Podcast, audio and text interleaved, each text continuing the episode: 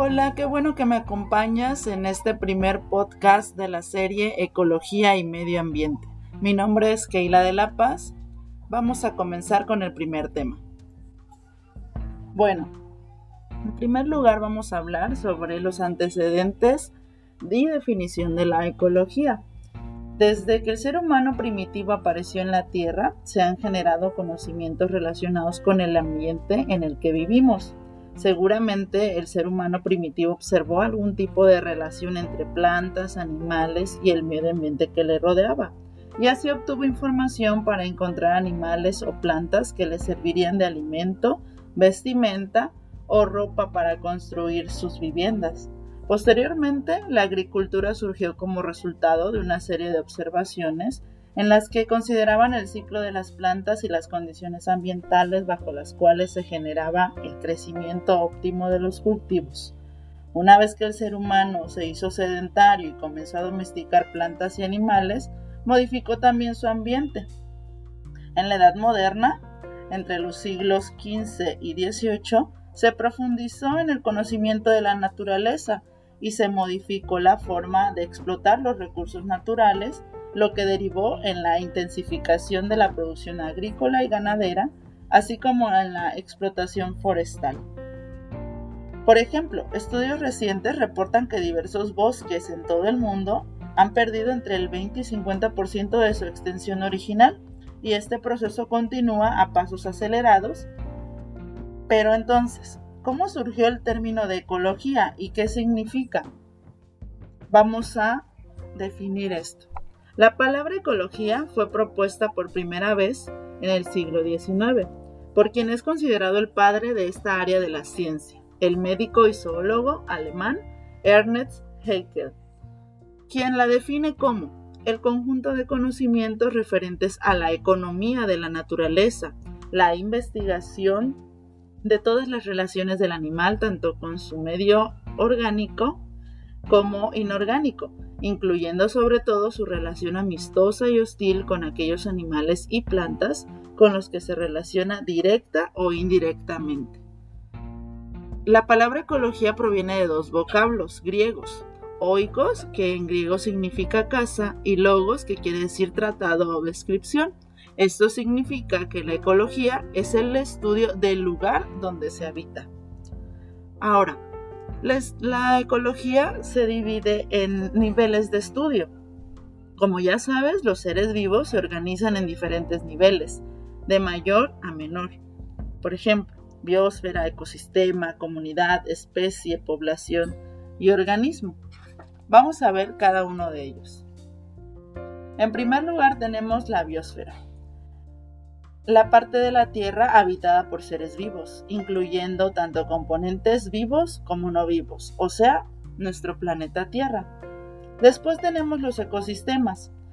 Son los seres vivos de una comunidad y su relación con el entorno físico que habitan, incluyendo elementos no vivos. Por ejemplo, en una sabana Podemos encontrar cebras, ñus, jirafas, leones, guepardos, árboles, pastizales. Después tenemos a la comunidad, que son dos o más poblaciones de diferentes especies que viven e interactúan en la misma área. Podemos encontrar eh, poblaciones de animales, poblaciones de plantas que están compartiendo un mismo lugar o una misma superficie. Después tenemos la población, que son miembros de una misma especie que habitan en la misma área. Podemos encontrar poblaciones de leones, podemos encontrar poblaciones de cebras que están habitando en un mismo lugar, eso es una población. Después una especie, que son poblaciones naturales semejantes, que se cruzan entre sí y tienen descendientes fértiles. Cualquier tipo de especie animal o vegetal viene quedando en esta clasificación. Después tenemos al individuo u organismo pluricelular, que es un ser vivo individual compuesto por varias o muchas células. Por ejemplo, nosotros como seres humanos. Después tenemos los sistemas y aparatos, que son dos o más órganos que trabajan juntos en la ejecución de una función corporal específica, ejemplo, el sistema nervioso. Después tenemos los órganos, que es una estructura dentro de un organismo generalmente compuesta de diversos tipos de tejidos que forman una unidad funcional. Podemos mencionar al cerebro o corazón o los riñones. Después tenemos un tejido, que son un grupo de células parecidas que realizan una misma función. Por ejemplo, nuestro tejido epitelial, que es la piel, son células iguales o muy parecidas que realizan funciones específicas. Después tenemos a la célula, que la célula es la unidad de vida más pequeña y funcional de los seres vivos. Eso lo viste en biología. Después tenemos los organelos u organoides, que es una estructura dentro de la célula que realiza una función específica. Así como nuestro cuerpo tiene órganos que realizan funciones, la célula también tiene pequeños organelos que realizan funciones dentro de ella. Por ejemplo, la mitocondria, el cloroplasto o el núcleo.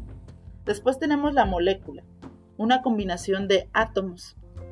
Puede ser una molécula de agua, una molécula de glucosa o la molécula más importante de la vida que es el ADN. Después tenemos el átomo, que es la unidad más pequeña de un elemento. Por ejemplo, los átomos de hidrógeno, carbono, nitrógeno, oxígeno, etc. Después viene la partícula subatómica, que son partículas que conforman el átomo. Y hablamos de los protones, los neutrones y los electrones. Y por último, tenemos las partículas elementales o fundamentales, que son partículas que conforman a los electrones a los protones y a los neutrones. Y así es como nosotros podemos organizar los niveles de estudio de la ecología. Espero te haya gustado mucho el tema y quiero que continúes conmigo en los siguientes podcasts para seguir aprendiendo más sobre la ecología. Gracias por haberme acompañado. Te espero en el siguiente podcast. Hasta luego.